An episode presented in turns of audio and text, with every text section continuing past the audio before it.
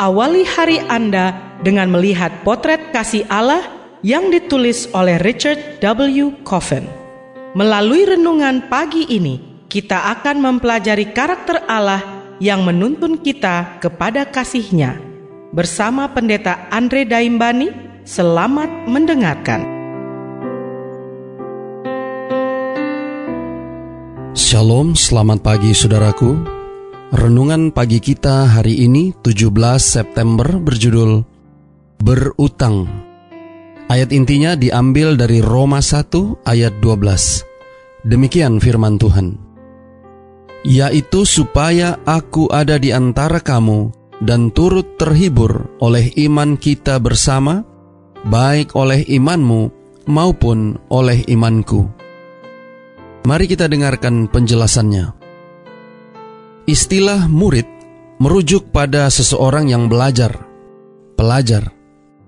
Kata rasul berasal dari akar kata yang berarti dikirim. Para murid duduk dekat kaki Yesus, mereguk ajarannya.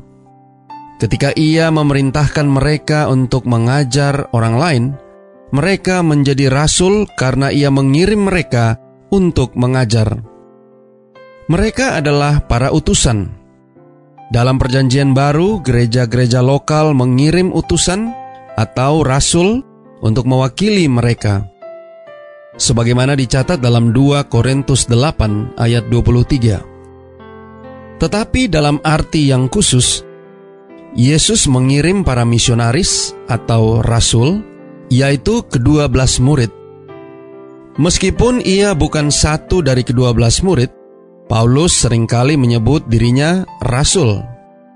Ia mengalami perjumpaan khusus dengan Kristus yang telah bangkit, yang memberikannya amanat untuk melayani sebagai misionaris pertama untuk bangsa-bangsa lain, sementara rasul-rasul lainnya menginjili orang Yahudi. Para rasul memiliki sejumlah wewenang karena mereka adalah utusan Yesus sendiri, diajar olehnya dan diutus olehnya.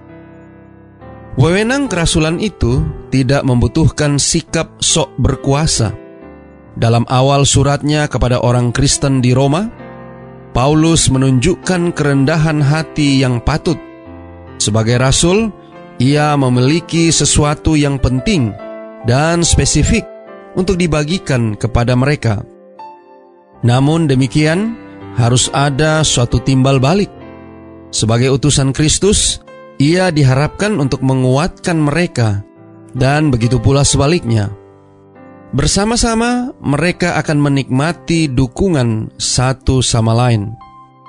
Sikap yang sama dari Paulus dalam perannya sebagai guru dan murid tertuang lagi dalam Roma 1 ayat 14. Aku berhutang baik kepada orang Yunani maupun kepada orang bukan Yunani baik kepada orang terpelajar maupun kepada orang tidak terpelajar. Paulus menggunakan kata yang bermakna orang berutang untuk menggambarkan dirinya ketimbang membawa statusnya sebagai rasul. Dan kepada siapa ia berhutang? Orang Yunani dan orang barbar. Diterjemahkan sebagai orang bukan Yunani, orang bijaksana maupun orang bodoh mereka yang terpelajar dan tidak terpelajar. Dengan kata lain, Paulus merasa berutang kepada semua orang. Saudara-saudara yang kekasih di dalam Tuhan, Paulus berutang kepada orang lain dalam dua hal. Pertama, sebagai seorang rasul Yesus Kristus, adalah tugasnya untuk membagikan kabar baik keselamatan bagi semua orang terutama orang bukan Yahudi. Ia berutang untuk membagikan imannya kepada mereka. Kedua, ia sendiri tidak terkecuali pernah belajar dari orang lain, bahkan dari mereka yang tidak terlalu bijaksana. Belajar adalah proses seumur hidup.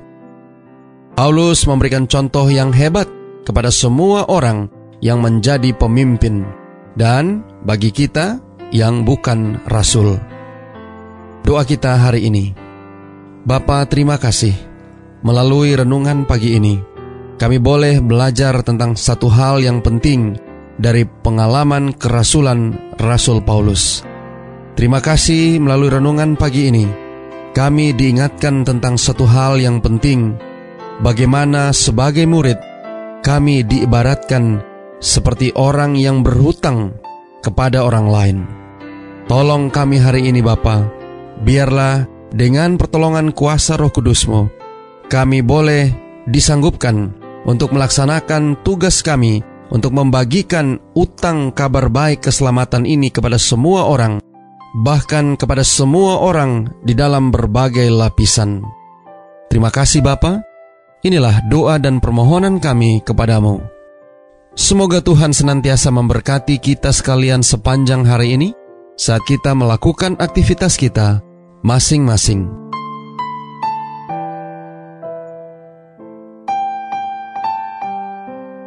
Demikianlah tadi pembahasan tentang potret kasih Allah. Semoga firman Tuhan hari ini dapat menjadi berkat bagi Anda. Sampai jumpa, Tuhan memberkati.